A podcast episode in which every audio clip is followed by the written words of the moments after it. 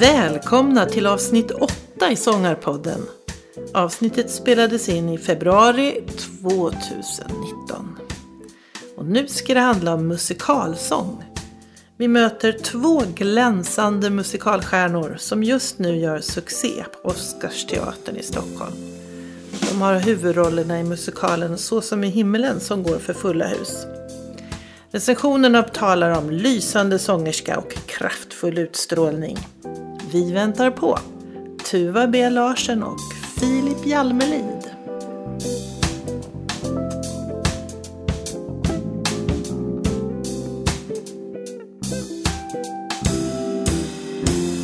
Välkomna till Sångarpodden. Tack så mycket. Och här sitter vi. Ja. Filip Hjalmelid. Tuva B Larsen. Det är mitt på dagen och ni äter frukost. För Ja, det här precis. är musikalstjärnornas eh, tillvaro.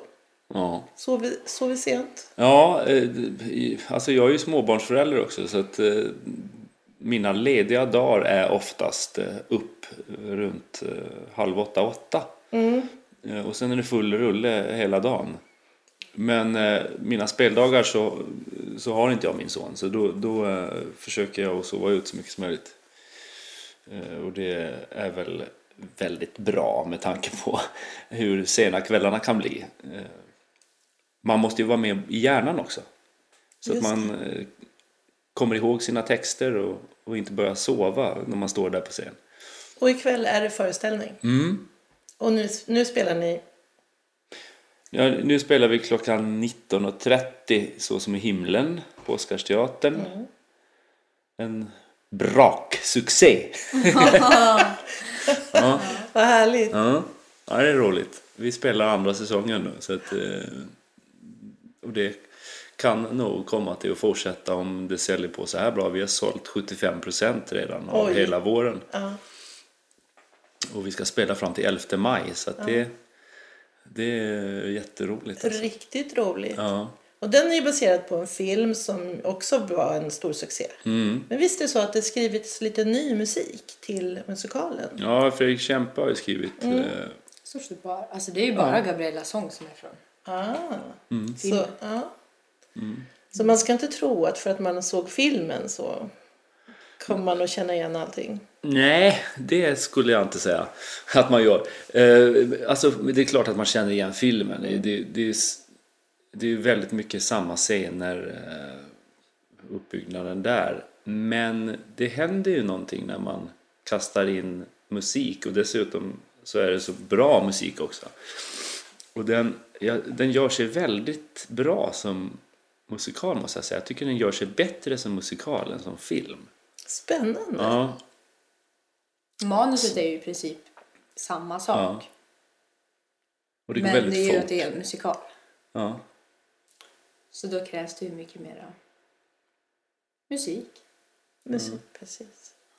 Är det lite som i himlen där? Jag tänker så här, man tänker på så här musikalartister så tänker man sig att ni har det som en, att ni blir som en stor familj under en sån här Mm. föreställningsperiod. Eller är det en, ni går till jobbet? Hur känns det egentligen? Det är väl väldigt olika från produktion till produktion. Mm, jag tycker också det. Det, det är liksom en... Alltså, i, det här är ju en familj lite grann. Så som himlen är en familj. Och de bästa produktionerna har, alltid varit familjer. För att det, vi jobbar ju med, med känslomässiga uttryck. Liksom. Det, det ju, vi berättar ju en historia. Och om man tycker om dem man spelar med så trivs man på jobbet och då spelar man bättre. Jag tror det, det är ingen skillnad där i jämförelse med många andra jobb. Trivs man med sina arbetskamrater så trivs man på Just jobbet. det. Just det. Liksom. Sen så tror jag att det var kanske särskilt för den här produktionen att någonstans så fanns det något, någon sorts, inte press, men liksom ändå ganska många hade väl en tanke om vad, vad det skulle vara och många känner till filmen. Så jag tror att alla som tackade ja till att vara med på det här projektet utan att riktigt veta vad det skulle bli har väl någonstans vi alla haft ett väldigt starkt önske om att få till vår egen grej och att vi vill väldigt gärna lyckas med det här.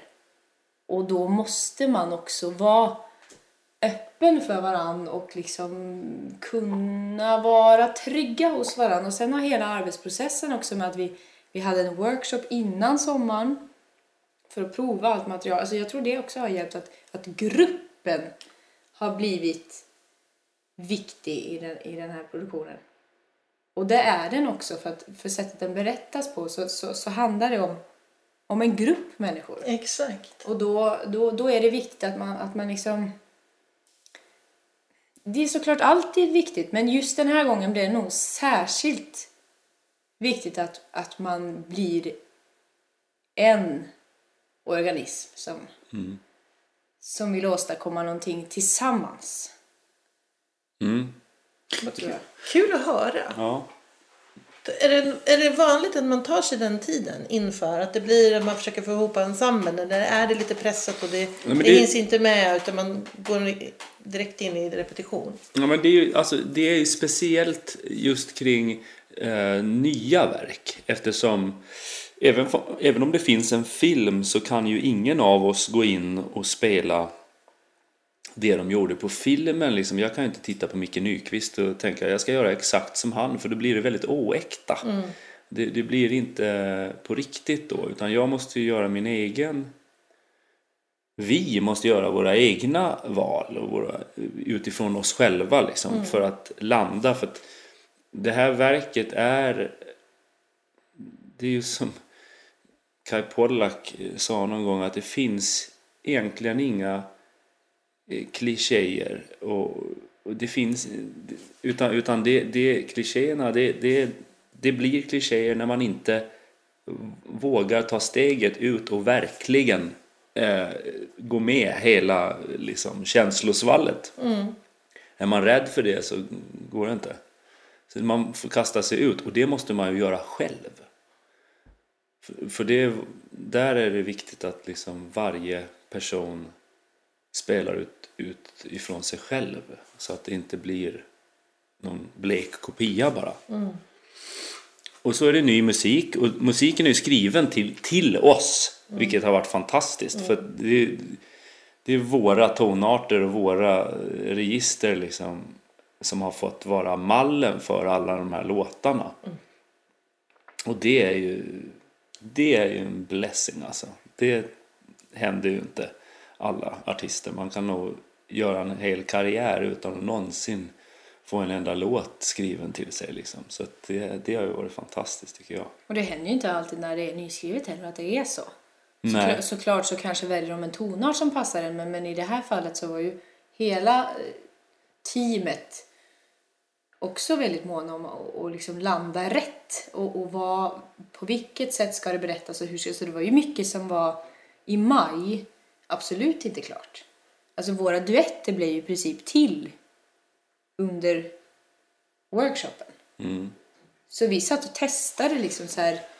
Okej, men om vi gör en duett utav det här då skulle du kunna sjunga och, och liksom Fredrik satt och liksom sa Ja men testa den här slingan då och så sjunger du det här och sen så Ja, men vad roligt! ehm, Vilken och sen så process. skrev jag om under Ja. hela sommaren liksom och ringde ju under sommaren så här. Du, hur ligger det här för dig? Så, "Eh, va." så fick man så här testa liksom. Så slutet var ju inte skrivet först. Nej, Vi drog igång efter sommaren så det var Ja, det, var- ja, det var verkligen spännande och jag kommer ihåg att modigt. jag menar både du och jag var lite sådär, ja men hur mycket ska vi tycka nu egentligen? Och, och Fredrik Kempe han sa, allt, allt ska ut liksom. Det är ju ni som ska göra det här. Och Gud vilken lyx. Kommer Men också, från, jag menar, tänk dig i hans situation så måste det också vara lyx. Att få Ja, skriva och så, så att det blir optimalt, maximalt allt ifrån er. Ja. Så. Men jag tänker också sådär, Fredrik Kempe han är ju så otroligt begåvad på, han är ju melodismart något injävulskt va.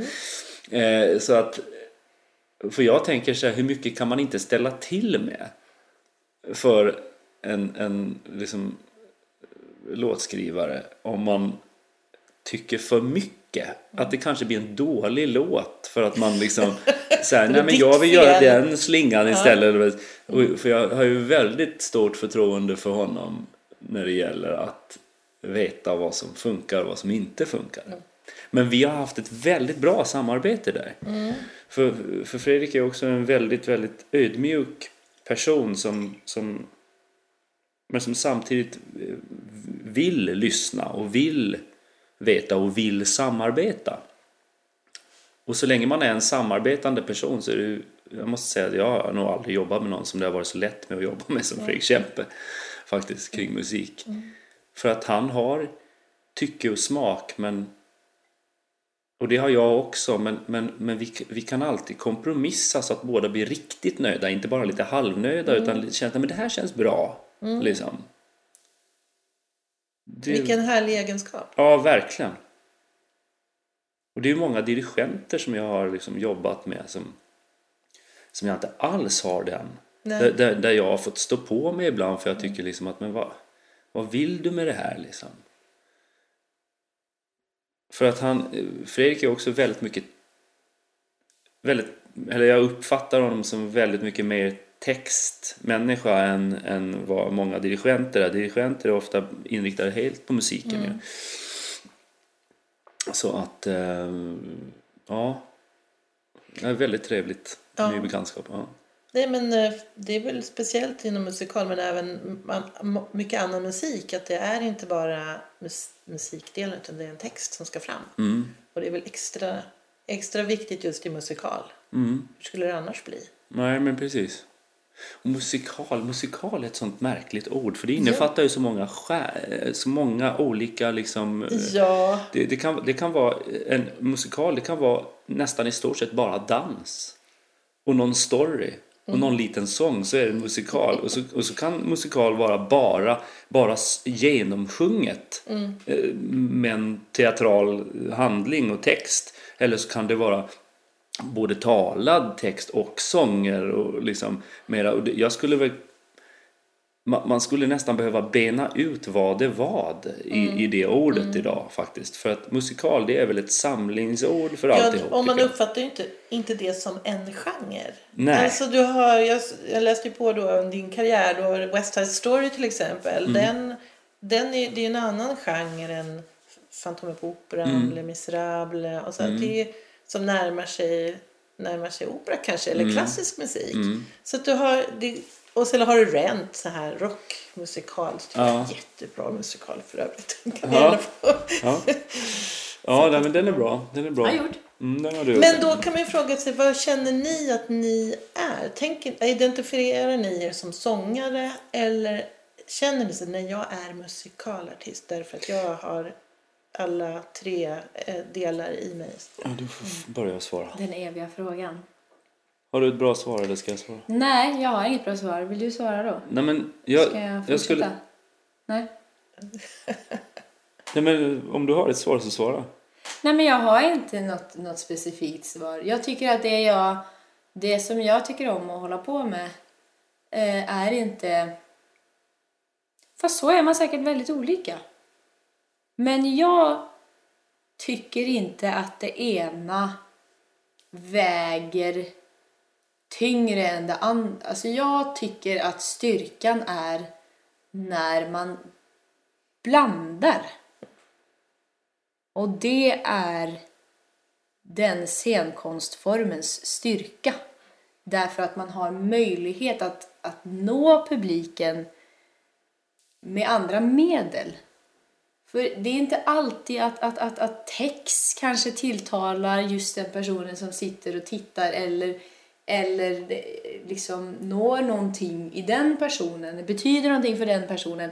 Men kanske gör musiken det. Och sen kommer man in andra hållet. Eller om man estetiskt liksom... Nu har inte jag gjort så mycket dansmusikaler men, men, men jag, jag tror att det är anledningen till att det är en hyfsat populär form för scenkonst också. Men, det var väl jag, ett jag jättebra svar. Ja, jag För, vet hade inte. för att annars skulle man ju säga att när jag känner att jag är sångare så är man inte riktigt bekväm med det andra. Att känslan är att det är det här som är viktigt för mig. Eller att när jag tycker att skådespeleri-delen är det så kan jag sjunga lite också. Men du säger att du, du har det kompletta. Det är det som är det, är det, det som tilltalar dig och så identifierar du dig. Jag vet inte om jag har det kompletta, men jag tycker att liksom nyanserna är det som är viktigt för mig. Känner jag. Det är det jag tycker är intressant. Jag, jag kan älska att gå på konserter, jag kan älska att gå på, på talteater och, och jag kan liksom också göra projekt som jag tycker är spännande som bara innefattar det ena eller det andra. Eller om man filmar. Men, men, men, men jag eh, tycker att att ha vassa verktyg och nyanser inom de olika delarna är väl det som jag tycker är intressant för min del och spännande. Alltså jag, jag måste säga, alltså, man, man förändrar sig som människa hela tiden. Eh, I sitt, eh, sin yrkesroll. Och eh, om jag skulle säga vad jag, vad jag är för någonting. Så skulle jag nog säga att i början så var jag sångare. Det är min största medfödda talang. Eh, och när jag liksom hade jobbat så mycket med det att det krävdes något annat i sången för att jag skulle nå nästa nivå så började jag med teater. Och eh, jag struntade faktiskt helt i dansen i stort sett efter att jag avslutade min utbildning på Kulturama för att jag kände att jag kommer aldrig att nå dit jag vill med sången och teatern om inte jag inriktar mina 100% av den korta tiden, tre år jag hade på scenskolan, på det. Eh, för tre år är en alldeles för kort tid. Man behöver sex år. Då kanske man kan lära sig ganska mycket om man har en bra sångvana innan. För ett sång, det kan ta... Alltså jag, jag, jag tycker nog att även om jag har den talang jag har så var inte jag någon, någon eh, bra sångare förrän efter sju års utbildning Mm. liksom, och, och, och arbete. Nu idag kan jag säga att jag känner min röst. Jag vet Mm. hur den beter sig. Jag har haft de flesta åkommor utom knutar på stämbanden. Eh, och jag vet hur jag reagerar på en kortisonkur. Eh, och jag känner skillnad på muskulära spänningar och stämbandsproblem. Eh, väldigt tydligt. Och det är liksom inga konstigheter där för mig utan jag vet vad det är jag har. Om jag, om, för jag, det känner jag. Och det är väl yrkes... Det är väl den professionella delen i, i yrket tycker jag. Att lära sig sin röst så pass väl att man vet vad är det för fel nu då? Eh, så att man också vet när man kan gå på utan att skada sig eller inte. Det är viktigt. Du sitter och ler du. Det är så att man inte behöver fråga sin kollega hela tiden. Ja, precis. Jag har väl kört lite annorlunda kan man säga. Jag har ständigt sökt det som jag liksom inte kan. Eh, så, så min taktik har nog varit... eh, Ja, jag, jag har inte varit kanske inte så... eh, haft ditt tålamod att liksom gå in på en... Det handlar inte om tålamod, det handlar om rädsla för att misslyckas. Jaha. Oh. Ja, absolut. För, I mitt fall. Men jag, men, men jag har ju liksom... Jag, jag hade min spetskompetens på sången. Och den kunde ingen ta ifrån mig då. Va? Så då, och då började jag ju kasta mig ut mot eh, teatern som jag inte hade lika naturligt. Eh, och som jag fortfarande jobbar väldigt mycket på. Det är ju... Alltså te, att jobba med teater, det är ju ett, ett erfarenhetsyrke. Det blir man ju bara bättre och bättre på så länge man utövar det och man, man måste öva. Och det kan vem som helst göra. För alla är människor, alla har ett känsloliv. Vem som helst kan lära sig spela teater. Lära sig sjunga, då måste du ha en talang. Liksom. Du måste vara musikalisk i alla fall. Liksom. Och det är väl en talang då, tänker jag. Men, men att man liksom... Jag, jag, jag, jag tycker att det är viktigt att man har sina spetskompetenser för att sen kasta sig ut emot det som man inte kan. Så att man alltid har någonting att falla tillbaka på. Det måste vara någon, för mig så måste det vara någonting som är solitt. Liksom. Som, som, som står där även när allting rasar så kan man, kan man tänka ja, men jag har fortfarande det här. Du är en helt annan person där än jag Tuva. Och, och, det, och det beundrar jag. Det, det är något, du kan ju berätta vad din lärare sa till dig där. Han sa ju någonting som jag verkligen lyssnade på. Vad var det han sa? Va? Han sa du ska, du ska välja det du inte kan för att... Vad, vad var det han sa? Kommer du ihåg det? Jaha, vilken skola jag skulle gå? Ja, ja precis. Ja. Då var det en av dem som satt i en utav juryerna som sa att ehm, eh, du, såklart så ska du tänka på vad det är du vill göra men jag tycker att du ska välja den skolan där du är sämst. Välj den klassen där du är sämst. Är det det du menar? Mm. För att eh, så du har någonting att jaga. Så du har någonting att sträcka dig efter. Så du har någonting att lyssna på. Så du har någonting att se på. Liksom någonting som... Välj inte den skolan där du känner att du har full koll och du vet precis varför du kom in och ska börja på den. Alltså så här, det kanske man vet inom sig själv ändå men... Men... ehm, Vad var det här för lärare? Var det en teaterlärare? Eller nej, han är jazzdansare. Han är jazzdansare. Men han sa Välj den klassen där... eh, Välj inte den klassen där du, du får dra. Men det, där, nu är det, det här är ju jättespännande. För det här är så allmängiltigt. Kan Men nu pratar vi inte så mycket om röst. Nej. Nej, nej, men det är, Mm. det är ingenting. Det här är jätteintressant. Det här, eh, att, för jag tänker också så, men så att man ska ju vara, det är roligt att vara med dem som är bättre för då kan man ju lära sig så mycket av dem. Mm. Fast samtidigt så får man ju vara lite noga med att inte drabbas av vad heter det, brist på självförtroende. Alltså att man känner att man är usel själv. Ja, För då har man ju faktiskt valt den miljön där man kanske är det. och, och måste komma ihåg att, och då kanske det är som du säger, att om jag vet att jag är, jag är duktig på det här i alla fall. Så kan man stå ut med det där andra. Men om man bara är tillsammans med människor som är så mycket bättre än en själv så kan det vara lite småjobbigt kanske. Nej, men- Jo, men sen ska man också komma ihåg att självklart, man vill ju gärna ha en grund i sig själv som man känner sig hyfsat trygg på. Men, men sen så ska man ju också komma det här med utbildningar och skolor och, och det är ju jättebra. Men oavsett vad för utbildning du går så är det ju du själv som måste göra det jobbet ändå. Så vilken skola du väljer, det är ju vad du känner för. Jag, när folk frågar mig vilken skola tycker du att jag ska gå? Ja. Så säger jag, sök alla, gå på alla auditions och sen känner du vilken du har lust, vilken du liksom känner att, ja det här hade jag hoppats att jag kommit in eller det här känns kul, vilken anledning det än är, vilken, vilken skola du har lust med. För att sen kan man ju få så mycket sanningar på de där skolorna, man kan få man får extremt mycket verktyg men man kan också få saker och ting. För jag hade ju lärare som sa till mig att fortsätt att sjunga pop och rock för du kommer aldrig kunna sjunga med klassisk klang.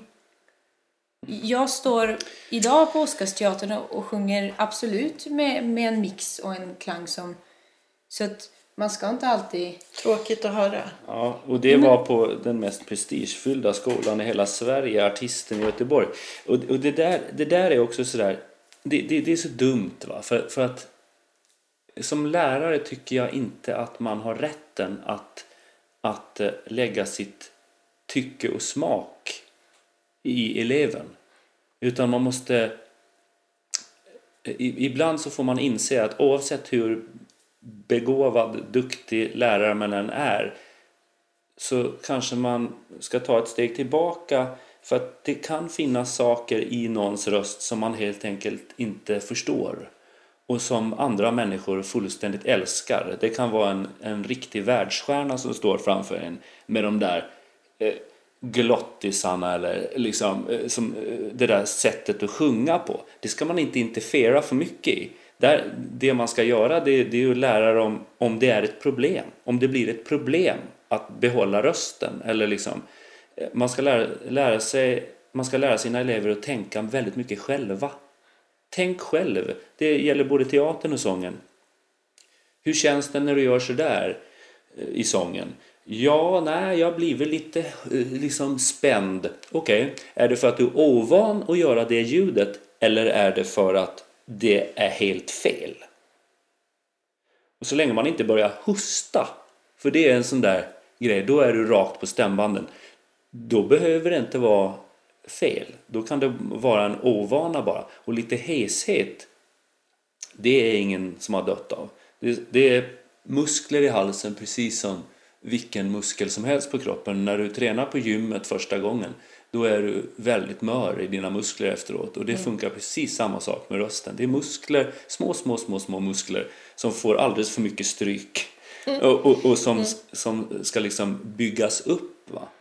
Så man ska inte vara rädd för heshet utan man ska, då ska man snarare tänka hur går jag runt det? Mm. Liksom, hur Eh, rent tekniskt kan jag göra det lätt för mig själv när jag känner så här? Liksom.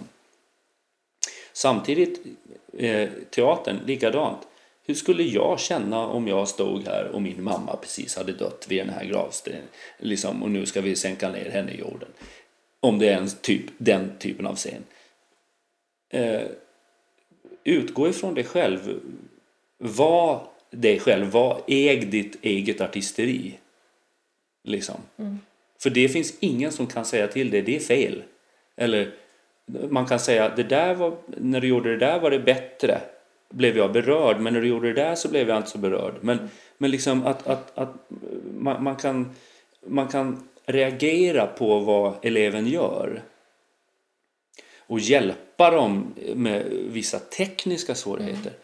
Men, men man får aldrig interfera i deras liksom personliga eh, och gå över deras integritetsgräns när det gäller vad som är deras artisteri. Mm. Det måste man bejaka som lärare. Men sen så kan det ju vara så, den läraren, alltså hade jag bara sjungit med den rösten fortsättningsvis mm. så kanske jag hade blivit asgrym på det. Det är mycket möjligt. Jag vet inte. Men för mig så var det ju väldigt viktigt att inte ha några hinder vad det gäller röst. Mm. Just för att som vi sa innan, musikaliskt är himla brett. Eh, och jag vill inte...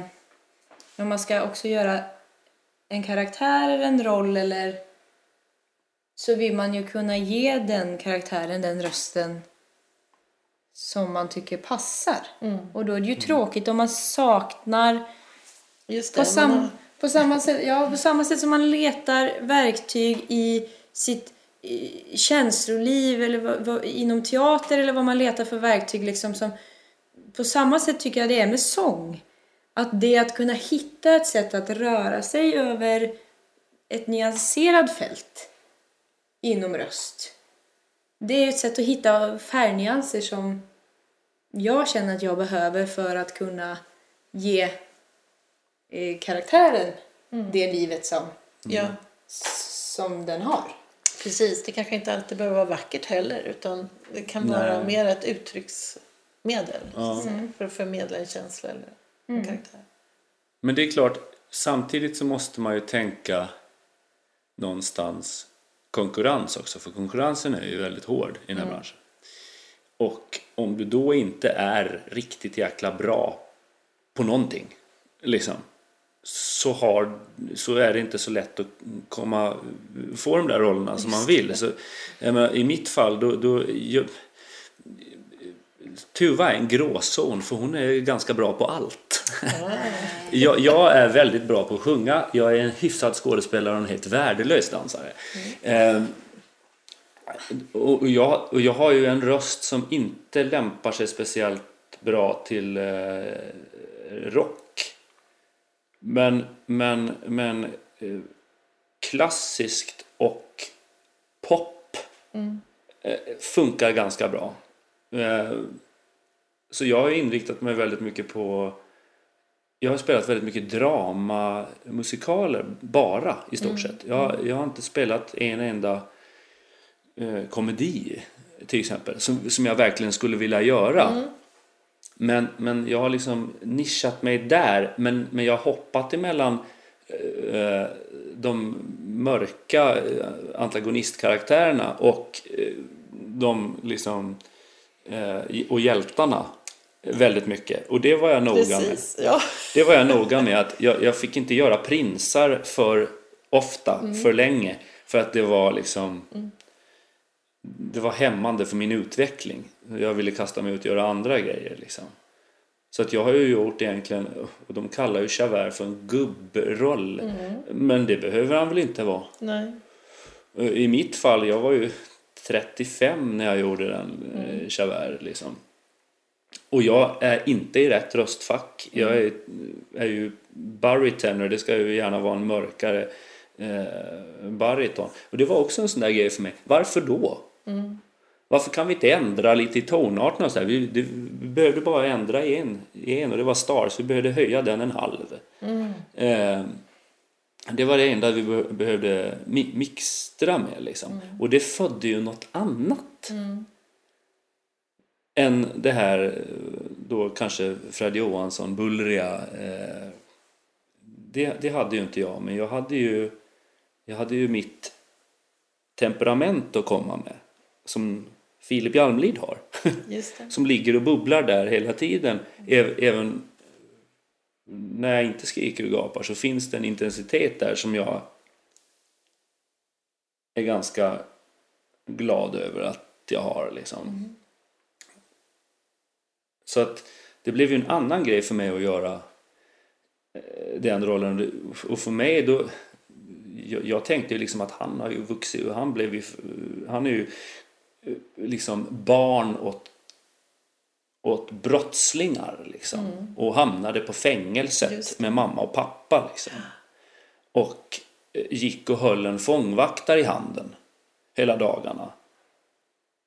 Och lärde sig det jobbet och förstod eh, vikten av lagen och sen växte upp och, och, och, och blev polischef redan vid 35 års ålder. Det, kan man ju, det, det finns ju exempel på folk som har lyckats väldigt tidigt för att de har varit med ända sedan de har varit små. Artistvärlden är full av sådana. Tuva B. Larsen Eh, nej men liksom har man hållit på med det länge då, då får man en tidig karriär. Och jag menar, ja, min karriär började när jag var 21 år. Eh, När jag vann en talangtävling på Gotland. Då kände jag att då ville jag liksom eh, jobba med det här. Och då sökte jag först en artistlinje eh, på Folkuniversitetet i, i Stockholm som var på deltid för jag visste inte riktigt om jag ville och då ville jag ändå kunna ha tid till att göra annat eller tänka på annat och sådär. Och då mötte jag en lärare som hette Monica Silverstrand som har betytt väldigt mycket för mig eftersom hon var så positiv till, inställd till vad jag skulle kunna göra med mitt liv. Och hon sa liksom musikal, du sjunger ju ändå bara musikal på lektionerna så varför kör du inte åt musikal? Sök Kulturama och då gjorde jag det.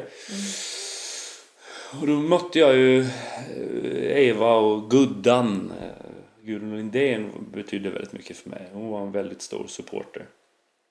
Och lite, nästan lite extra mamma för mig. Sådär. Hon kunde liksom kasta till mig en hundring till mat när jag hade eh, liksom varit på gulligt. krogen och gjort av med alla pengar på öl. Eh, så hon var väldigt gullig mot mig. Ehm, och, eh, nej men, och jag fick ju chansen att leka där. Ehm, och när jag gick ut därifrån då var det, då var det kommer jag ihåg att det var, var faktiskt Monica Silverstrand som sa till mig då att nej men nu har du gått den där utbildningen, ut med dig och testa vingarna. Och jag kände att jag, nej jag vågar, jag kan inte det. För jag är så grön. Så det, det, jag är inte färdig liksom. Jag vill leka tag till. Så då sökte jag scenskolan i Göteborg. Musikalprogrammet där. Och så gick jag där i tre år. Sen var jag redo. För då hade jag lekt av mig liksom. Men jag var väldigt noga med att jag skulle veta vad jag höll på med. Innan jag kom ut i branschen. Sen lär man sig väldigt mycket i branschen också. Men om man inte vet, har ett hum om vad man faktiskt håller på med. Då räcker det med, med första jobbet. Att man, man kanske landar den där rollen, lyckas på något vis att göra det. Och sen gör man det riktigt dåligt. Och då då sprids det som en löpeld över hela Sverige för branschen är så liten så då får du inga mer jobb. Nej. Eh, så för mig var det viktigt att jag skulle ha en, en, en hög lägstanivå som jag hela tiden skulle hålla i oavsett vad jag gjorde. Och där är det viktigt att om man kan, man ska söka så mycket som möjligt men man ska, man ska i början av karriären i alla fall alltid ta de jobben som man vet det här, det här fixar jag. Det, för det andra kommer sen. Så som i himlen är det första som jag har valt där jag kände så här, det här kanske jag inte klarar av. Men eh, det ska bli ett sant nöje att, göra ett försök. Men då hade jag redan en solid karriär med en massa kontakter Ja, så jag kunde inte halka ur. Liksom. Nej. Men hur- varför kände du så? Nej, men jag, jag, jag är ju en... Alltså, jag är nog en blandning emellan en eh, safare, jag gillar att vara trygg men samtidigt eh, kan jag kasta mig ut ibland i de mest märkliga situationer. Alltså jag, I och med att det var en så stor film och så var det faktiskt så att vi fick varken läsa manus eller höra någon musik förrän workshopen som vi hade Ah. i maj förra året. Och då hade alla redan tackat ja och skrivit på. Okej. Eh, Det kanske var de som safeade. Ja, ja precis. Ja. Nej, men, och och, det, det har jag aldrig någonsin gjort förut. Att jag liksom, det, det som är viktigt för mig, jag måste veta vem, vem är det som regisserar, vem är det som ska dirigera. Och vad är det för material? Och vilken roll ska jag göra och vad är det för en figur? Eh, då är man safe. Ja, lite så. Ja. Men det här, jag tycker ändå det är jättespännande när du berättar hur du började så här. För att du lyfter du fram några personer som har varit betydelsefulla för dig. Och jag tänker att eh, är det inte så för alla? Alla, man börjar ju sitt liv och så träffar man på människor som faktiskt pustar en i en viss riktning. Som betyder någonting när man tittar tillbaka. Men hade det inte varit för den här personen så hade allt det här inte hänt. Nej. Eh, Jag har väldigt många sådana i början av min karriär. Det var ju en... en Jag Eh. tänker det var några som pushade dig att ställa upp i den där talangtävlingen ja, precis. Ja, det, det var en specifik person som faktiskt eh, eh, som anmälde mig till den här tä- tävling, tävlingen. Liksom. Marie Björklund som, eh, som var då tillsammans med en av mina bästa kompisars storebror. Och utan henne så hade det nog inte blivit någonting överhuvudtaget. Tack Marie. Ja, ja det, det är faktiskt så. Och sen hade jag ju en kompis, Maria Eliadis också, som skulle gå den här deltidsutbildningen på Folkuniversitetet. Som gjorde att jag vågade liksom ta mig iväg överhuvudtaget på en utbildning. Eh, och utan henne då hade det nog inte heller blivit eh, så- mycket. Eller det hade åtminstone dröjt en massa år till. Och jag kanske inte hade kommit in för jag kanske hade varit för gammal och kanske inte alls hade liksom lyckats att få den karriär jag, jag sen fick. Eh, så att de är ju mest, de är jag ju mest tacksam för givetvis. För att de överhuvudtaget fick iväg mig på de här grejerna. Sen, sen har jag ju fått en drive efter det. Jag hade ingen drive, jag hade inget självförtroende då. Men sen, efter det så fick jag ju en drive för att jag märkte ju att när jag kom in, apropå det här vi pratade om eh, tidigare, det här att, att man måste jaga för att eh, utvecklas. Jag har inte jagat så mycket på sångsidan kan jag inte säga. Och det, och det har ju varit så jag har ju liksom, jag har haft mina förebilder sådär. eh, Anthony Warlow, en austral, australiensk eh, storsångare liksom. Tommy Körberg som alla eh, killar i musikalbranschen har haft liksom. Som man lyssnar. Det var, jag tror det var Guddan som sa till mig att nu, nu får du sluta lyssna på Tommy Körberg för annars kommer det börja, låta som honom. Du måste hitta din egen röst. Ja, så gjorde jag det. Liksom förstår jag ju det va. Vilket bra råd. Ja, Därför att ja, det måste, så måste det ju vara. Ja, ja, men precis. Och eh, om man sen lyckas med, med, med de erfarenheterna så är det ju bra. Jag tänkte på det där med safea, för du safear ju inte särskilt just när det gäller Tommy Körberg. För du ställer upp med Anthem på den här eh, talangtävlingen. Ja, men jag hade ju ingen aning vet du, om vad det var för låt och hur stor den Vad var. roligt! Och, och liksom, eller är jag hade, det är det klart att jag hade... Den är väl, i alla fall i Sverige så är det ju som Tommy Körbergs låt. Och, Ja, ja, och man jämför- Snacka om att sätta upp någonting man jämförs Ja. med. Det, Det- det ja, men det är klart vi ska prata om den. Alltså, så här va. Eh, När jag ställde upp med den i talangtävlingen, då hade jag hört den på skiva som barn, eh, sen jag var liten. Liksom. Mamma spelade den skivan jätteofta. Men jag visste ju inte vilken... Jag hörde ju att han sjöng ju den väldigt bra. Men jag visste ju inte vad det innebar för mig om jag ställde upp med den. Och Det, det, jag kan väl sjunga den tänkte jag. Bara. Men när jag, när jag fick, jag gjorde ju rollen sen i, eh, nere i Danmark. Eh, eh, den engelska versionen på Århus teater. Och sen så fick jag jobbet på Göteborgsoperan i Sverige, i Tommy Körbergs hemland. Då kände jag så här att det här måste jag ha kontroll över. Så jag kommer ihåg att jag sa på första repetitionen eh, till ljudteknikern liksom, och till alla att, att eh, i eh, teamet liksom att, att är det någon låt som ingen får mixtra med utan att jag har sista ordet så är det Anthem. För då kliver jag av. För jag tänker inte stå och sjunga den utan att, att veta att jag har det ljudet jag tycker är bäst. Liksom. Och, och, jag, och jag får göra den på mitt sätt. Och jag blev väldigt... Eh, folk gick mig verkligen till mötes där. Jag hade världens bästa ljudtekniker. Jari som tyvärr gick bort nu bara för ett par, tre veckor sedan. Eh, I cancer. Som, jag kommer ihåg jag satt och pratade med honom och vi gick igenom hela...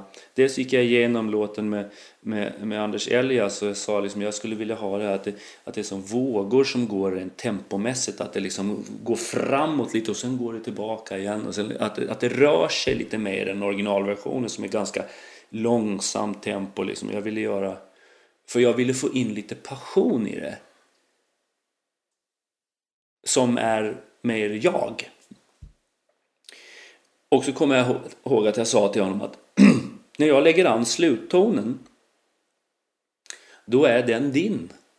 Och då vill jag att du pushar både orkestern och mig mot slutet. Liksom, att du drar upp oss eh, successivt så att det blir ett sånt där riktigt pangslut. Jag tänker inte sjunga starkare utan jag tänker bara lägga en väldigt bra ton. Och så får publiken tro att jag sjunger hur starkt som helst. Mm. Och det funkade ju jättebra. Jag fick ju de bästa recensionerna jag någonsin har fått i DN bland annat då. Det var nästan pinsamt att läsa faktiskt. Eh, För en gotlänning med ganska mycket jantelag i ryggen. Eh, Men, men, men eh, samtidigt blev man ju väldigt glad för det. Men, men det spelade ju ingen roll. Det var ju varenda gång jag sjöng den där så var jag ju stressad tills att jag hade satt den, sluttonen. När den var över, då var jag inte, jag var inte stressad för något annat material i den eh, liksom, musikalen. Men just Anthem var en sån där grej, för då kunde man nästan höra hur folk började viska så här, nu ska vi se hur han klarar det här. Eh, liksom. Och jag förstår ju det, för det är ju en jättesuccé för Tommy. Ja, ja. Men eh, det, det gick ju bra. Det var ju mitt stora genombrott i branschen. Och det här blir väl mitt stora genombrott eh, för massan. Så som i himmelen. Mm. Mm. Så att nej, jag har det ganska bra just nu. Lever stjärnlivet. Ja, så, så glamoröst det kan vara. Ja, det är inte så himla glamoröst som man skulle kunna tro. Men har du några sådana där människor som... Ja, du har varit vägskäl när det, du mötte någon person som så att säga styrde in dig på rätt väg eller? Ja, alltså... Jag har nog varit ganska mycket en liksom teaterapa sedan jag var liten. Så att... Eh, mina föräldrar har varit väldigt tillåtande. Tycker jag. Och liksom... När treåringen ville, ville börja på barnballetten fast man fick inte börja förrän man var fyra. Eh, och det här minns ju inte jag, utan det är ju min mamma som har berättat för mig.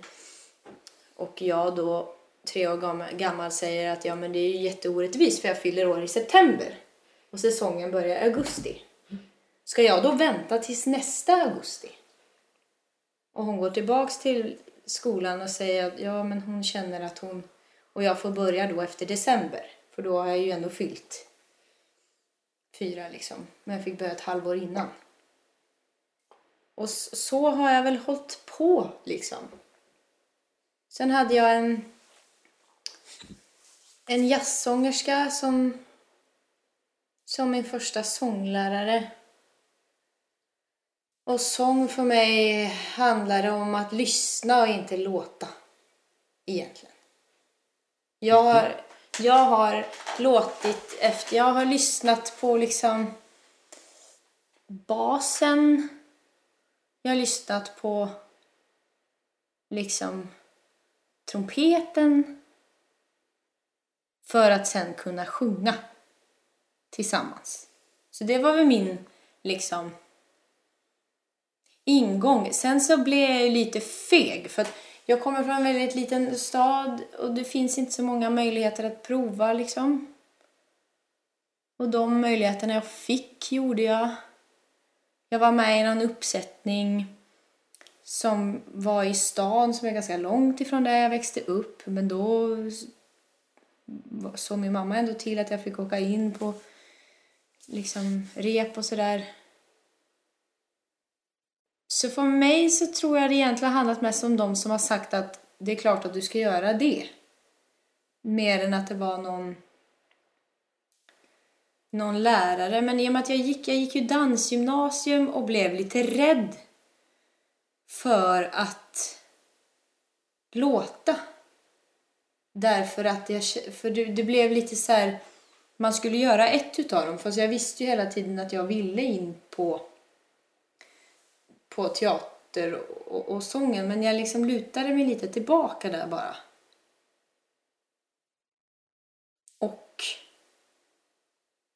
tycker väl att det har funkat bäst för mig när jag har varit själv. Alltså när jag skulle söka skol skolor mm. och åkte runt på liksom en skolturné där med en väska i en månad och sökte alla skolor. Vad modigt! Så, så kände jag att då var det inte så farligt för att mm. eh, ingen visste vem jag var ändå så jag hade ingenting att bevisa. Mm. Och då funkade det. Um, Sen är det klart att jag är jätteglad för, för vissa lärare och det är no, vissa som, som står mig väldigt närt. Men det handlar mer om det handlar mer om deras person och att de ser och att de lyssnar. Och att de eh, som lärare säger Ja, men gör det. Mer än att jag den personen gav mig det här och den personen gav mig det här. Så, Just det. Så. Fast det kan, ju, det kan ju vara så att man, man, det räcker att möta någon som tror på en. Mm. Eller till skillnad mot han som sa att du kommer aldrig att sjunga, kunna sjunga hur det var, mm. klassiskt eller hur det nu mm. var. Någon som inte tror på en. Så mm. blir det, det beror ju på hur man är lagd. En del vill ju bara ta revansch. Säger någon att man inte kan och vaknar tävlingsinstinkten och så ska man visa Mm. Att man minsann visst kan. Men jag och så funkar jag nog lite. Ja, du gör det. Ja. Jag tänkte, du sa någonting att du kommer från en sån liten ort. Ja. Eh, och då tänker jag, är inte det ganska vanligt bland artister överlag? Jag tänker inom jazzområdet där jag känner många, då är det rätt många som kommer från små orter och det är nästan tvärtom. Att där får man, där finns det liksom möjlighet att det är inte så många tillfällen men då är man inte heller så många som konkurrerar. Alltså så får mm. man möjlighet att prova. Det kanske är så. Det kanske bara är för att jag är från landet att jag tänker att alla andra har haft det mycket lättare. Nej men jag... jag Men är det inte så? Du kommer från Gotland och många som är i jazzområdet som de kommer från Värmland och från, från någon gård. men i den här från... produktionen tycker jag väldigt många är från Stockholm. Men det kanske är bara jag som tänker så. Ja, alltså vi är ju i Stockholm.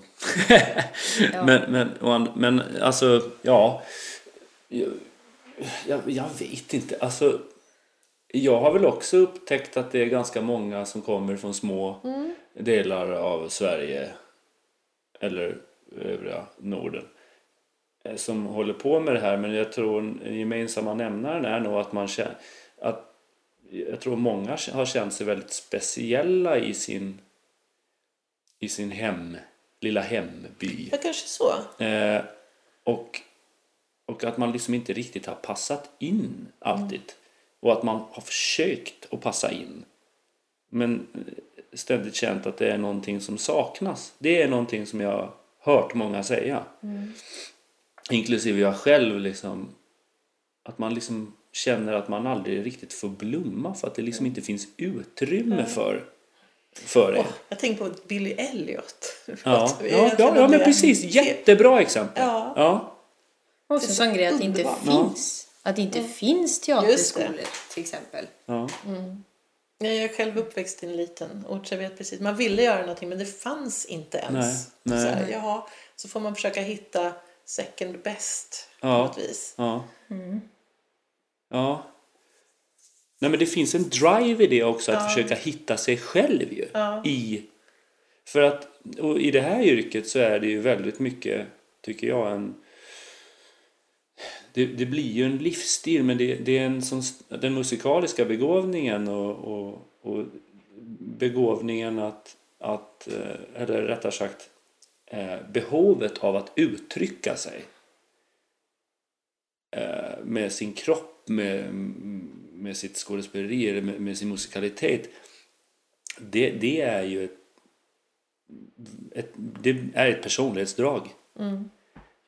Och jag tror att om man jobbar med det här så, så måste man skilja på det personlighetsdraget och ens övrig, övriga personliga liv för annars blir det outhärdligt. Men det är väldigt mycket en, en livsstil det, och det är en väldigt stor del av de som håller på. Jag skulle inte, alltså jag skulle inte må bra om jag inte fick sjunga. Liksom.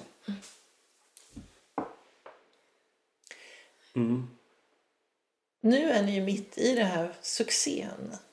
Som det ju är. Och eh, full, full fart i produktion så att säga. Men spanar ni, som tänker ni framåt i era liv? Har ni så uttalade planer? Finns det en så här drömroll? Åh, eller jag vill åka, jag skulle vilja stå på den scenen och sjunga den här rollen.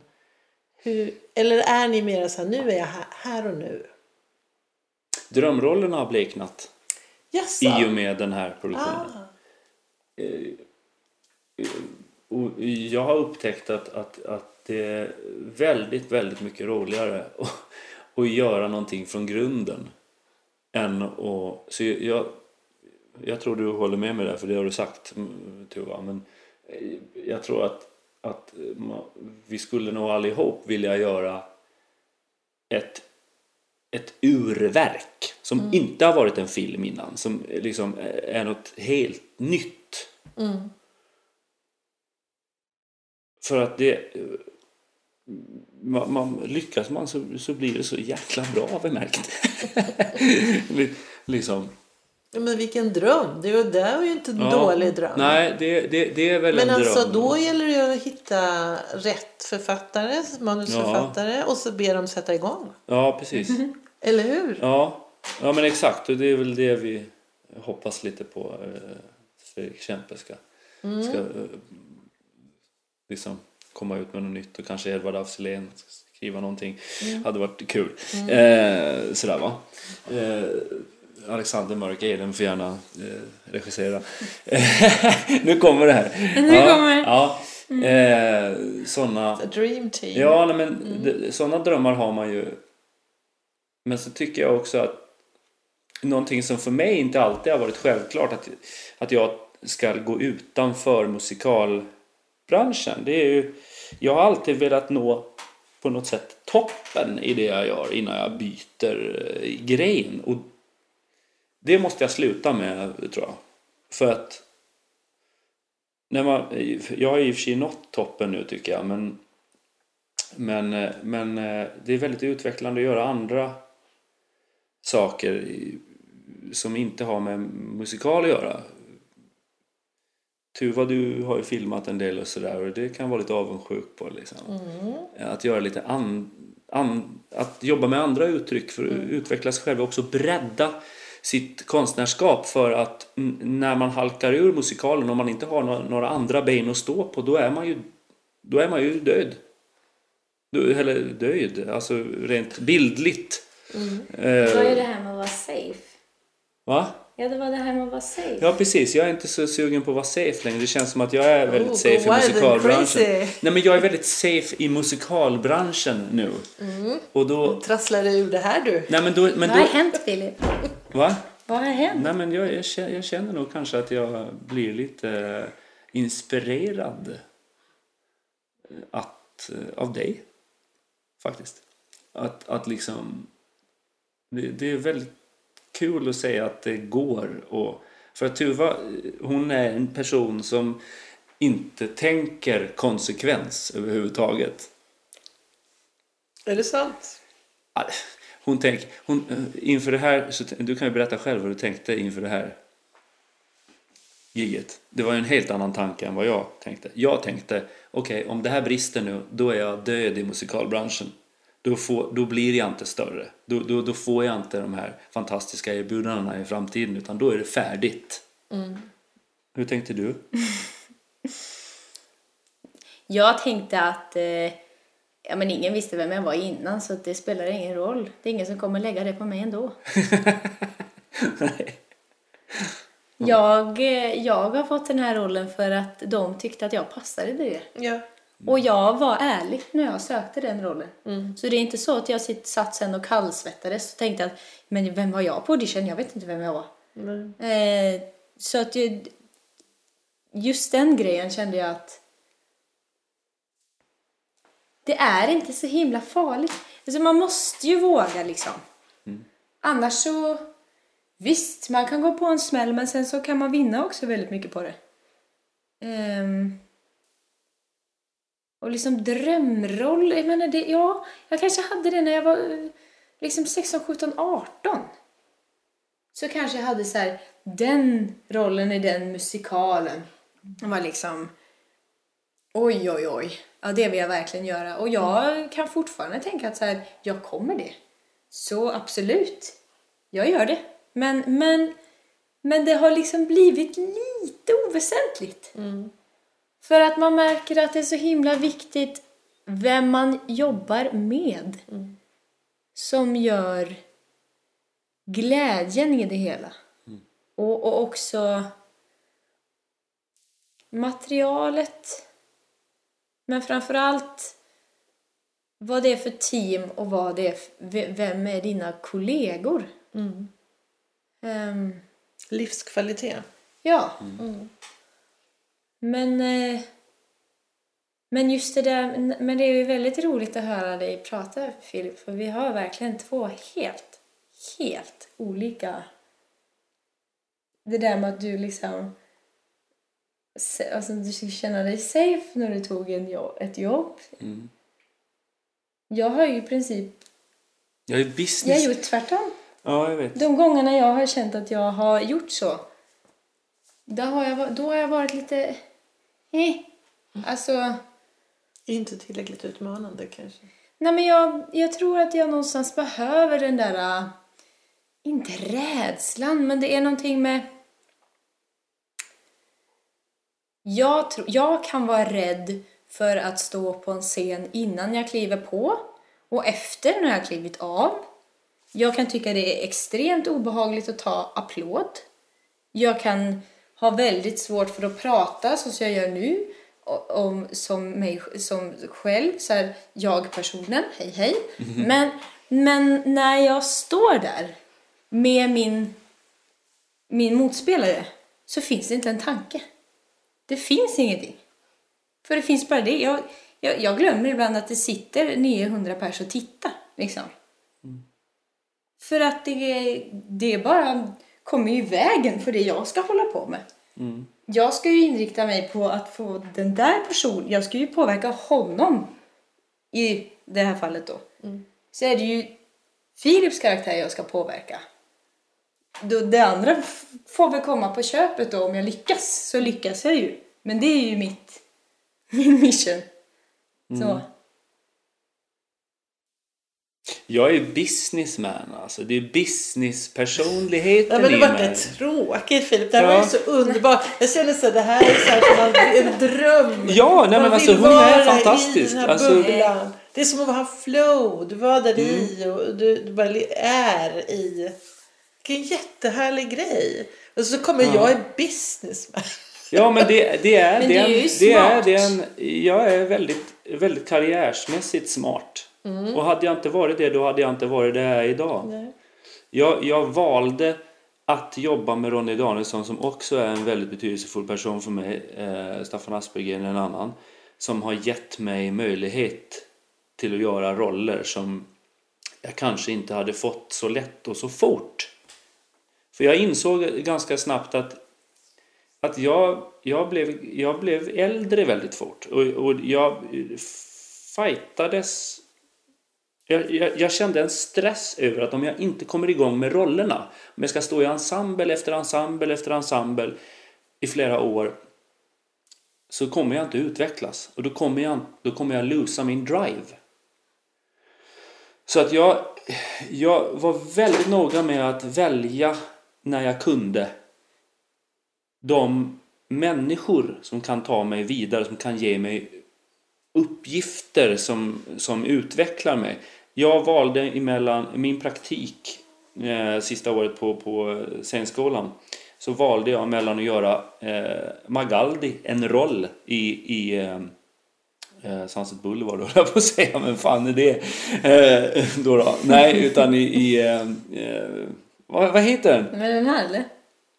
Jag vet Nej, inte. inte, nej, inte Christ. Det här, jag kan inte sånt här. Nej, men vänta nu. Jag valde emellan Magaldi. Magaldi i Evita ja, men vita. och, och eh, eh, Jesus Christ Superstar.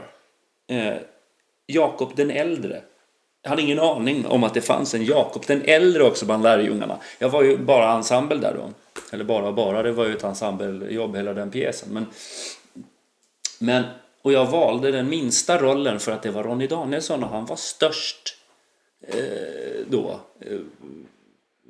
Eh, liksom, regissör och är ju fortfarande det, i Sverige och kände att den kontakten, att komma in där och säga hej hej, du vet vem jag är nu.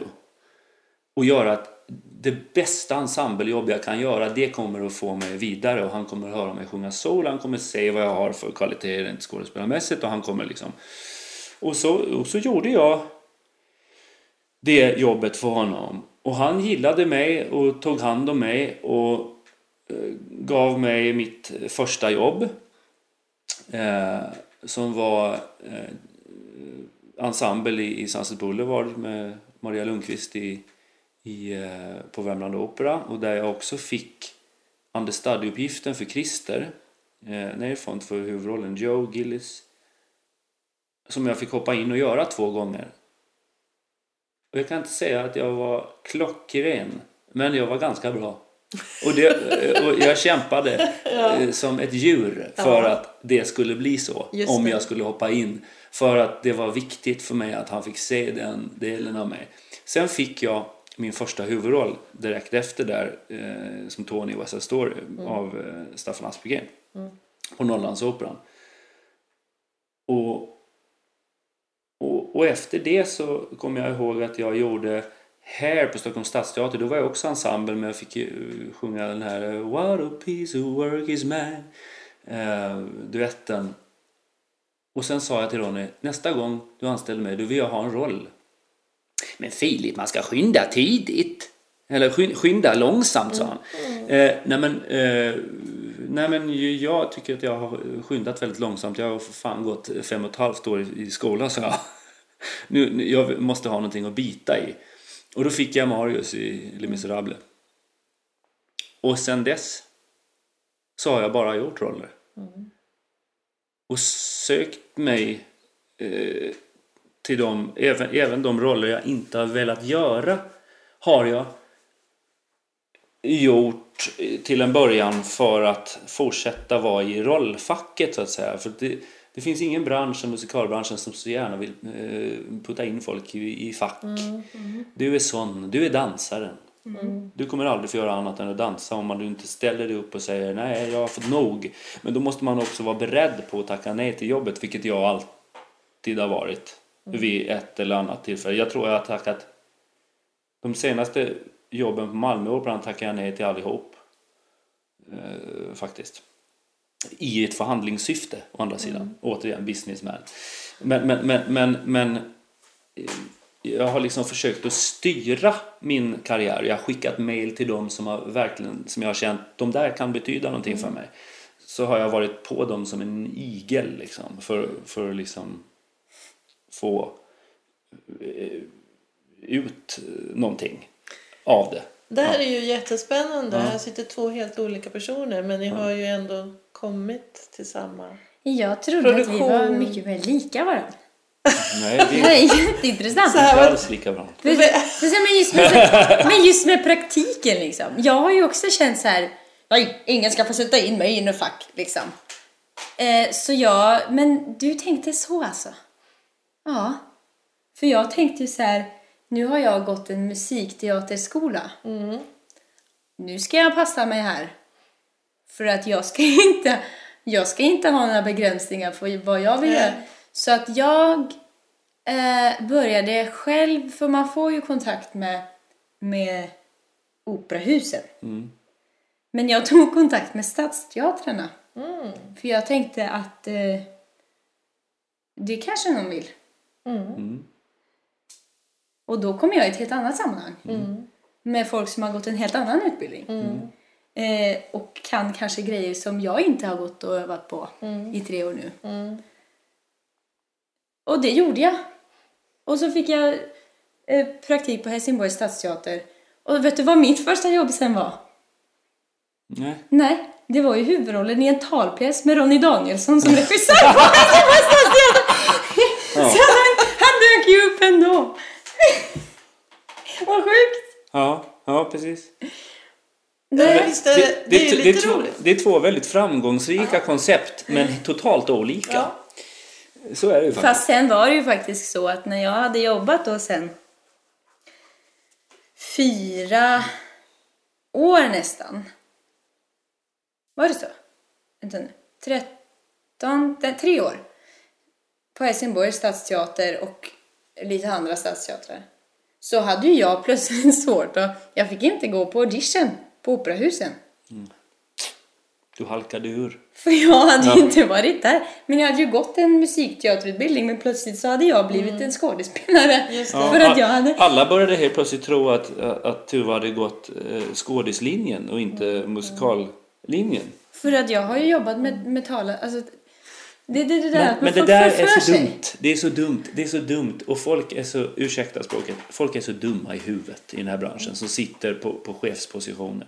För de tror, de, de, de, ibland så kan jag känna så här, det verkar som att, som att de inte har någon kompetens inom yrkesområdet överhuvudtaget eftersom de bara kan värdera en person efter vad de ser på ett papper istället för vad de ser när det kommer in en person. Vad är den här människan bra på? Många är sådär, "Nej, han är en dålig skådis för att han gör ingenting. Ja, men det är ju de dåliga skådespelarna som, som håller på med en massa saker. Kan jag tycka. Eh, och håller på och fipplar med en massa eh, liksom, saker, ting som inte betyder någonting. Det är de som är dåliga. Det är, do, det, är det mi- minimalistiska. Ser du inte liksom känslan? Ser du inte ögonen? Ser du inte liksom, eh, att, att den här människan är helt rätt i känslan och vet vad hon eller han håller på med? Det saknar jag i ledarskap. Runt om på operahus, på teatrar, Jag överallt. kan komma med en stor överraskning för dig. Det är inte, Ja. det är inte bara i er bransch som det är så. Nej, nej, nej. Nej, men men, Jag har Jag jobbat i olika branscher. liksom. Det är Ja. så- som om när man chefar, det är en annan sak. Ja. Och då är man inte riktigt insatt i verksamheten på något vis. Utan Nej, men- det är några andra nej, saker men- som pågår där. Ja men det värsta är att det gäller regissörer också. Mm. Att regissörer, de sätter in en i ett fack. Mm. Istället för att se, att själva göra en värdering. Men många av regissörerna är helt okapabla till att faktiskt göra en egen värdering. Vad, är det här bra eller är det här dåligt? Liksom. Och det, det, det är väldigt hämmande för hela branschen tycker jag. Att, det, att folk inte vågar tänka mer själva. Det är många regissörer som är just businessmen. Som tänker att om jag använder mig av den där, den där, den där, den där personen. Då vet jag att oavsett min regi så kommer det bli en bra föreställning. Och jag kommer alltså inte att hängas. Utan jag kommer få fortsätta att jobba. Du vill också safea lite. kanske. De vill också safea lite. Förståeligt. Det Ja. måste komma folk. Exakt. Ja. Det måste komma människor att titta. Ja. Och människor kanske också är lite sådär att man vet, man vet vad som säljer och ibland är det de som är kända sedan tidigare. Ja. Och alltså så är det svårare att komma in. Samtidigt kan ju vanliga människor som inte har någon prestige i att de behöver kunna saker kan ju titta på Gåsmamman på TV och säga att där är Tommy Körberg. Han spelar pappan. Det gjorde han jättebra. Vad konstigt, är inte han sångare? De är kapabla till att se vad som är bra och bli förvånade över hur bra det är. Men, men, men, men utan att liksom eh, utan att vara professionellt skadad och låst vid att man faktiskt vet vad den här personen har för utbildning eller vad den är i för kategori. Och jag vet hur många som helst som, som, som borde ha fått skådespelare som borde ha fått sjunga mer men också eh, musikalartister som borde ha fått spela mer. Micke Jansson som är på Malmöoperan nu. Han är han, är, han sopar banan, tycker jag, med de flesta skådisar i det här landet. Jag tycker han är helt fenomenal skådespelare. Men han är ju bara inom situationstecken musikalartist, så han får ju inte de jobben. Nej. Han borde filma hur mycket som helst, tycker jag. Men Ja. det där är ju, det, alltså, är väldigt mycket i den här branschen handlar om att överbevisa. Man ska överbevisa, överbevisa hela tiden. Ja, precis. Och då måste man ju slänga sig ut i de där eh, sammanhangen ju. Mm. Men sen så är ju det, sen är ju liksom det att folk kommer från olika ställen med olika erfarenhet och bakgrund. Det är ju också hela styrkan med en ensemble. Just det. Det är ju därför det blir... Och det tror jag nog liksom... Jag vet inte hur du känner Filip, men, men liksom från våran audition och eh, vårat sätt att jobba på och, och hur vi funkar som liksom duo. Mm. Mm. Jag tror ju att det att vi funkar väldigt bra för att vi pushar varandra på olika sätt. Mm. För att du pushar mig på grejer som jag kanske är lite obekväm med. Och, och, sen så kanske jag triggar någonting i dig som... Jag, jag tror att... Ja, men alltså, när, man möt, när man möter någon som är väldigt bra på någonting. Jag, menar, jag, jag tycker till exempel Tuva, Tuva hon är en väldigt, väldigt eh, smart och begåvad skådespelerska. Hon är mycket bättre skådespelare än vad jag är. Nej, det är jag inte alls. Säg inte emot mig. Jag tycker så. Eh, och, och det pushar mig till att bli en bättre skådespelare. Och jag kanske pushar dig till att bli en bättre sångerska. Ja, men jag, tror, jag. jag. tror inte att du är Ja. bättre än mig och jag är bättre än dig. Men jag tror bara att det handlar om också det där att man hela tiden sätts i fack. Då till slut så börjar man tro lite på sådana grejer själv Mm. Ja, också. kan- kan vara så. Även om man kanske längst inne i sig själv vet att jo, men jag skulle nog kunna om jag fick chansen. Det tror jag du har helt rätt i. Det tror jag du har helt rätt i. Dels måste man vara trygg på varann om man ska kunna ha det, den sortens fritt, eh, högt i tak arbetsklimat. Eh, och, och vara någon som ska spela upp varandra. Eh, dels måste det vara väldigt tryggt. Dels kanske det är gött om man känner att man får dragkraft från den andra på vissa fält sådär. Och att man kan luta sig. Eh, och vissa fall liksom blir jag rädd så kan jag nypa. Liksom. Och, få sig, och sen tror jag, och sen är det den största som handlar om respekt. En ömsesidig respekt. Att man respekterar dels såklart som person men, men, men, men varandras arbetserfarenhet och kvalifikationer. Eh, Ja, alltså... Eh, prestigen och narcissismen är scenkonstens största fiende, skulle jag vilja säga. Det, det är många som har gjort stora karriärer på att vara narcissister och, och, och eh, spelar för sig själva.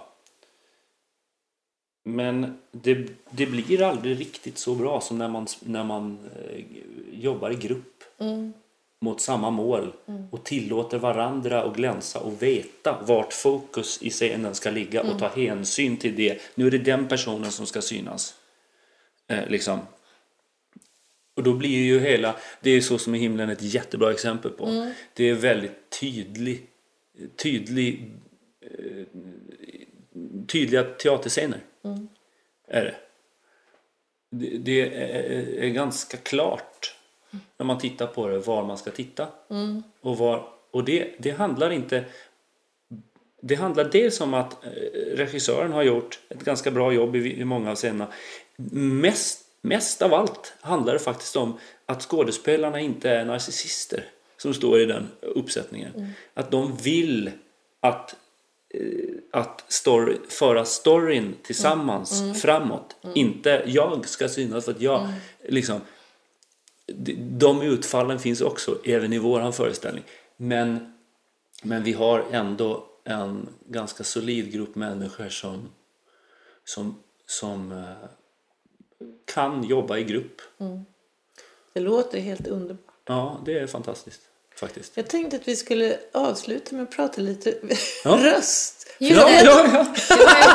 Det var ju, Jag tänkte Var det Sångarpodden? det, var ju Jag det trodde vi det skulle var- prata om. Ja. Nej, men det här är underbart. Mm. Nej, men ni, ni är ju proffssångare då. Musikalartister, men proffssångare och, och sjunger mycket. Mm.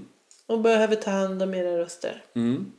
Och har säkert lite tips här. Eller jag vet Mm. att ni har det. Vad ni gör. Vi pratade om den här...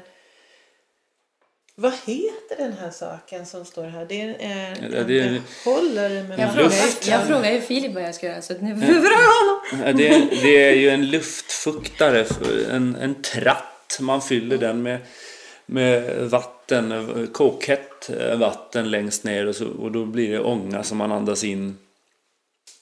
En inhalatoranordning skulle man kunna säga. Och den finns i lite olika varianter. Dels den där som är varmt vatten man fyller på. Det är en väldigt enkel variant det där eftersom man får värma på vattnet hela tiden. Jag brukar värma på vattnet, köra 10 minuter, värma på vattnet igen och köra 10 minuter till. Sen är jag klar.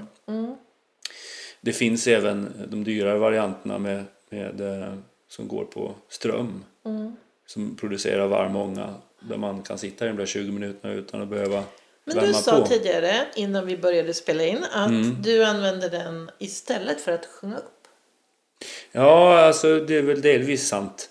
Eh, de dagar jag känner att jag är lite sliten eller eh, behöver eh, sjunga upp så gör jag ju det ändå. Någonting som jag alltid gör är att jag alltid kör lite grann med den där varje dag. Eh, på morgonkvisten eller innan föreställningen. För att eh, jag ska få bort eventuella eh, hinder som slem och sånt innan jag börjar använda rösten. För att eh, slem, segt, trögflytande slem det krävs ganska mycket muskulärt arbete för att få bort den. Och då blir man ju trött i halsmuskulaturen och då kan man ju bli hes eller eh, liksom att musklerna blir trötta innan man ens har värmt upp instrumentet är ju värdelöst om man sjunger så, så som vi gör. Vi gör ju fyra till fem föreställningar i veckan, dubbla lördag, matiné söndag. Det blir ju liksom... Då måste man vara på topp.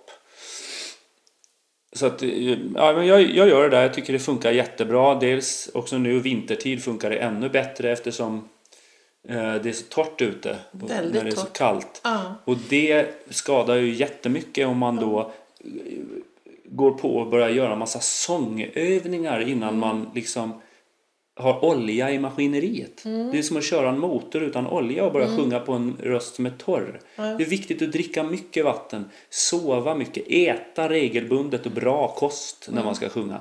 Och, och ånga eh, Och, och var får man tag på sån, såna där? där kan man köpa på vissa apotek. Den är ganska svår att få tag i.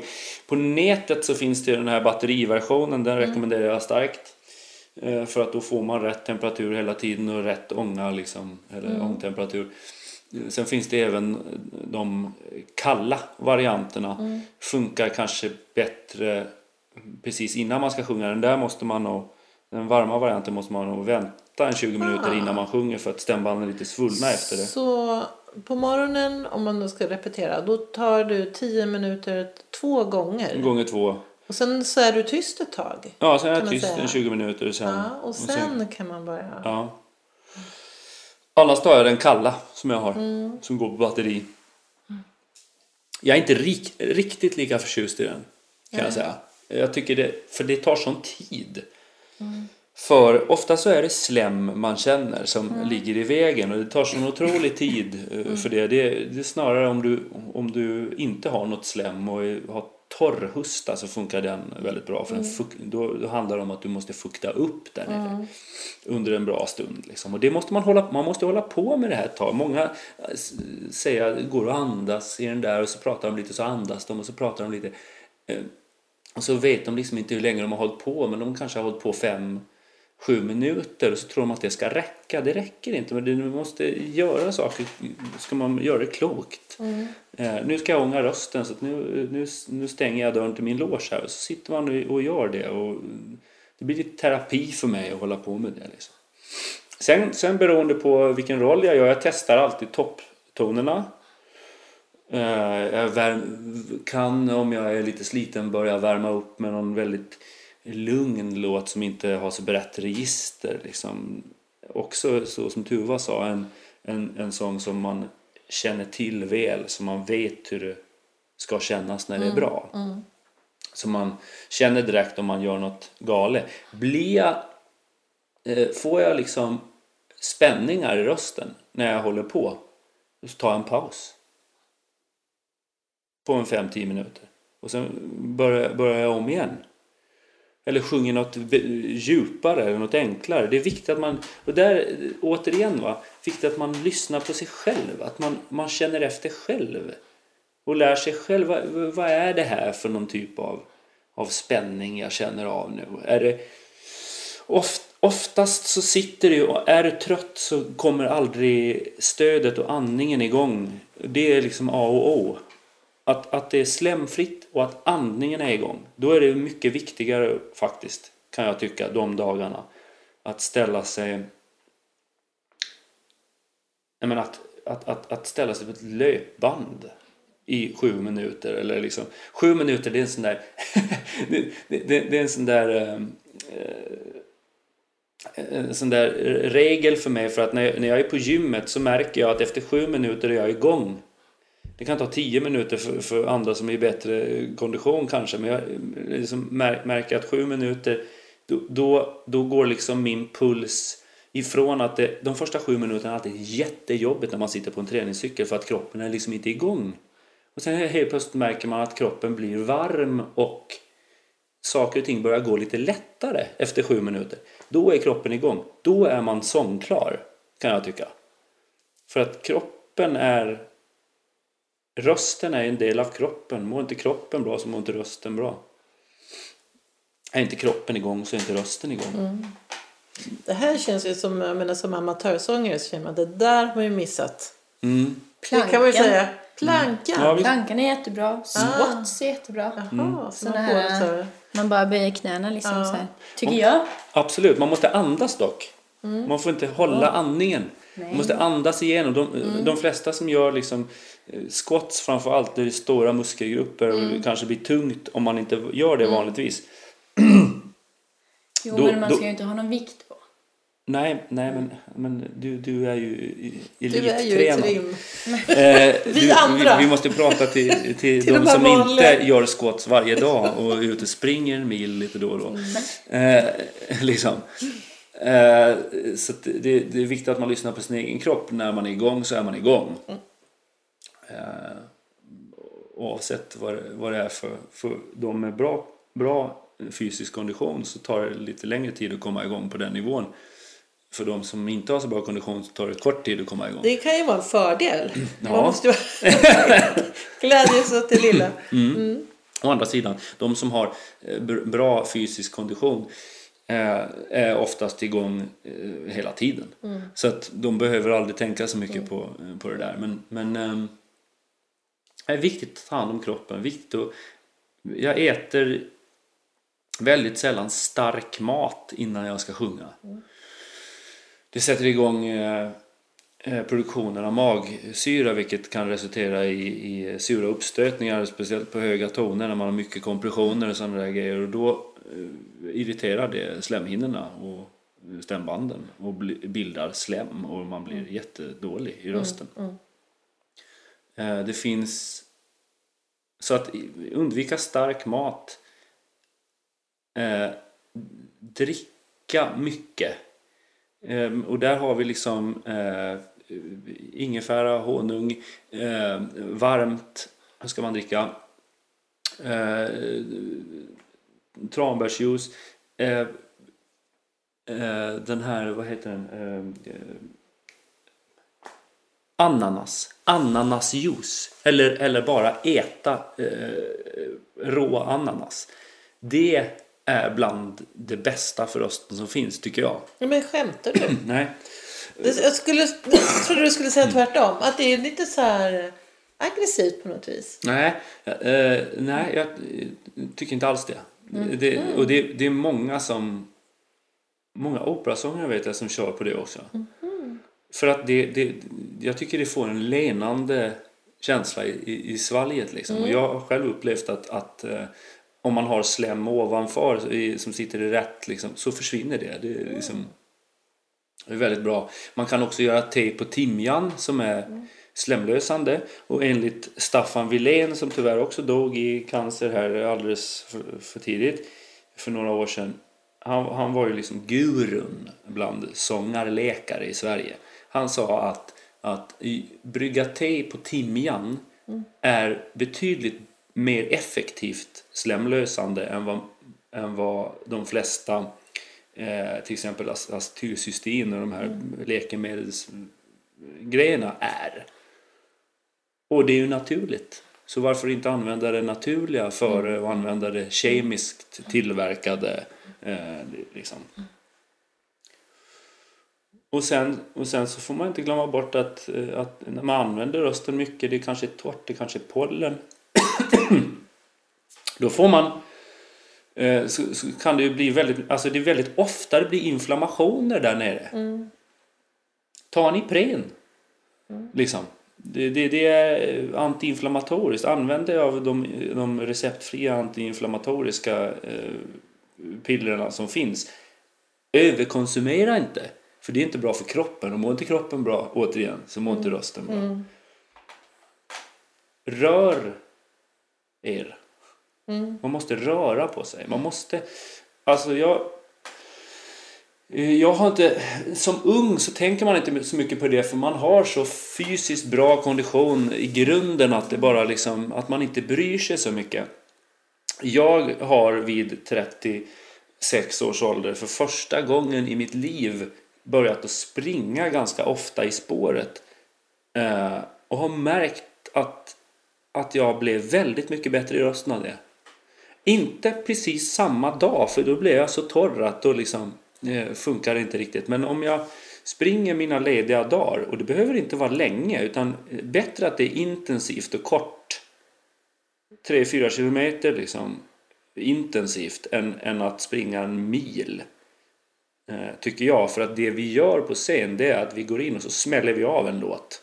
Och i musikal då är det ofta eh, höjdhopparlåtar. Liksom. Då ska man gå in och så ska man utöva ett cirkusnummer. Man ska pricka den där höga tonen. Och, och det är väldigt ofta explosiv eh, eh, styrka man behöver.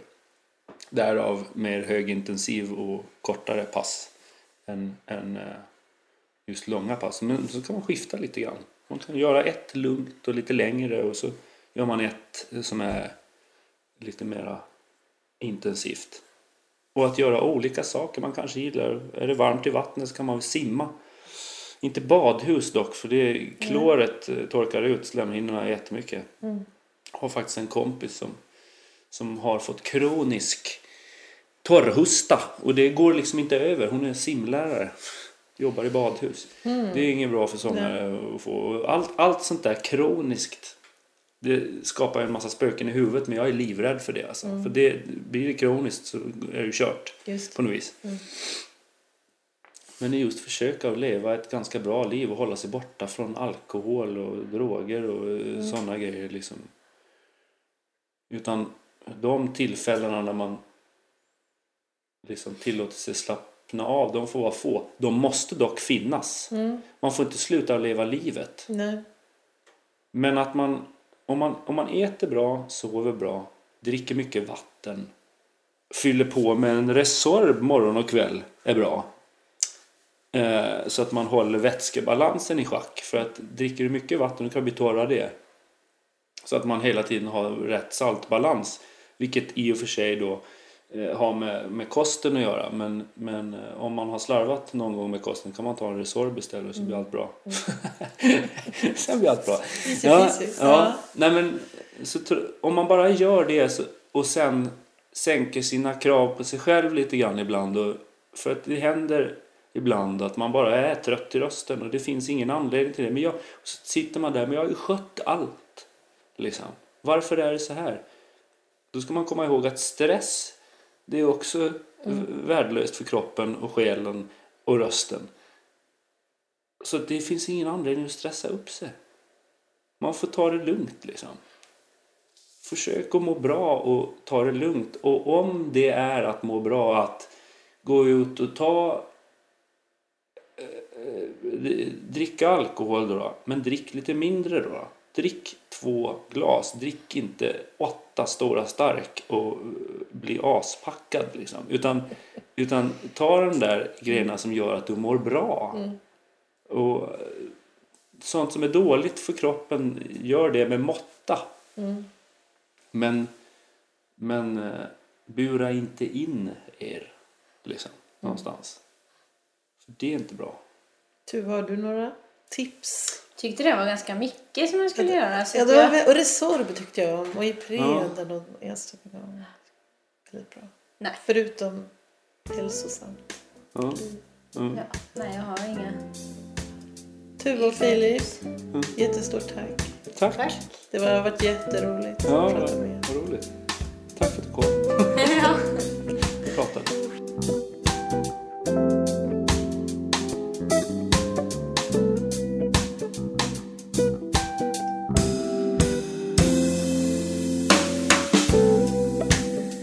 Har lyssnat på Sångarpodden. Och vill du ha mer information eller få länkar till artister med mera så gå då till vår egen webbplats www.sangarpodden.se. Vi hörs!